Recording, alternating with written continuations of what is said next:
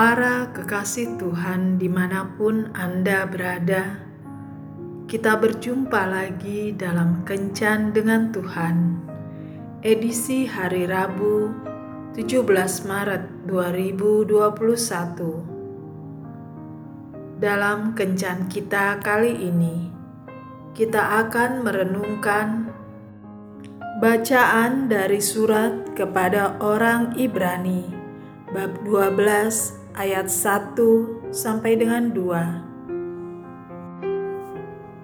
Karena kita mempunyai banyak saksi, bagaikan awan yang mengelilingi kita, marilah kita menanggalkan semua beban dan dosa yang begitu merintangi kita, dan berlomba dengan tekun dalam perlombaan yang diwajibkan bagi kita. Marilah kita melakukannya dengan mata yang tertuju kepada Yesus, yang memimpin kita dalam iman, dan yang membawa iman kita itu kepada kesempurnaan, yang dengan mengabaikan kehinaan, tekun memikul salib ganti sukacita yang disediakan bagi Dia yang sekarang duduk di sebelah kanan tahta Allah.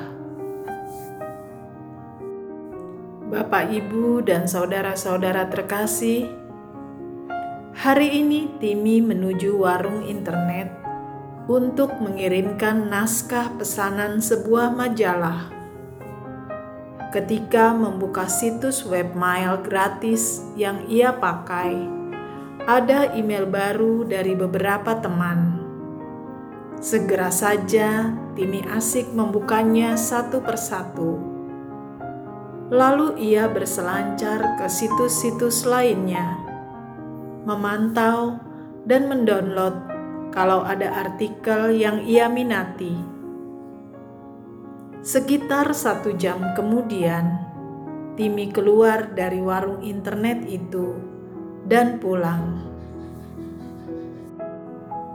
Dalam perjalanan pulang, ia baru teringat bahwa ternyata naskahnya belum sempat ia kirimkan.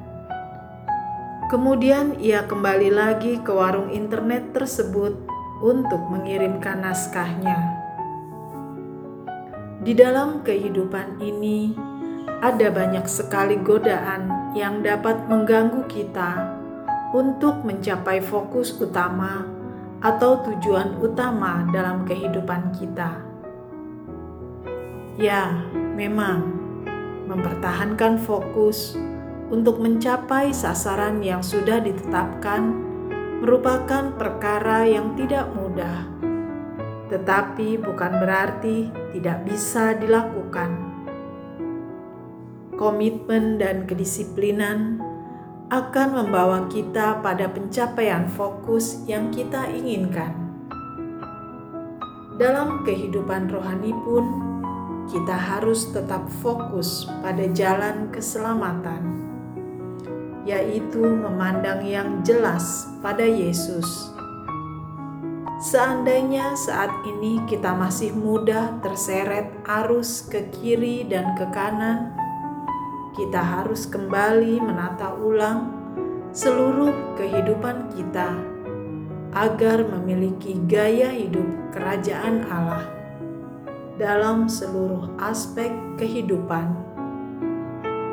Ini saatnya bagi kita untuk kembali ke jalur yang benar. Jadi, jangan biarkan tujuan atau fokus yang paling utama dalam hidup ini yaitu kerajaan Allah dan kebenarannya, menjadi terlupakan dan terabaikan hanya karena kita terlanjur sibuk oleh godaan dunia untuk membesarkan kerajaan kita sendiri. Tuhan Yesus memberkati. Marilah berdoa. Tuhan Yesus, mulai saat ini Aku menerima Engkau sebagai satu-satunya jalan keselamatan yang benar. Ubahlah hidupku dan jadikanlah baru seturut kehendakmu. Amin.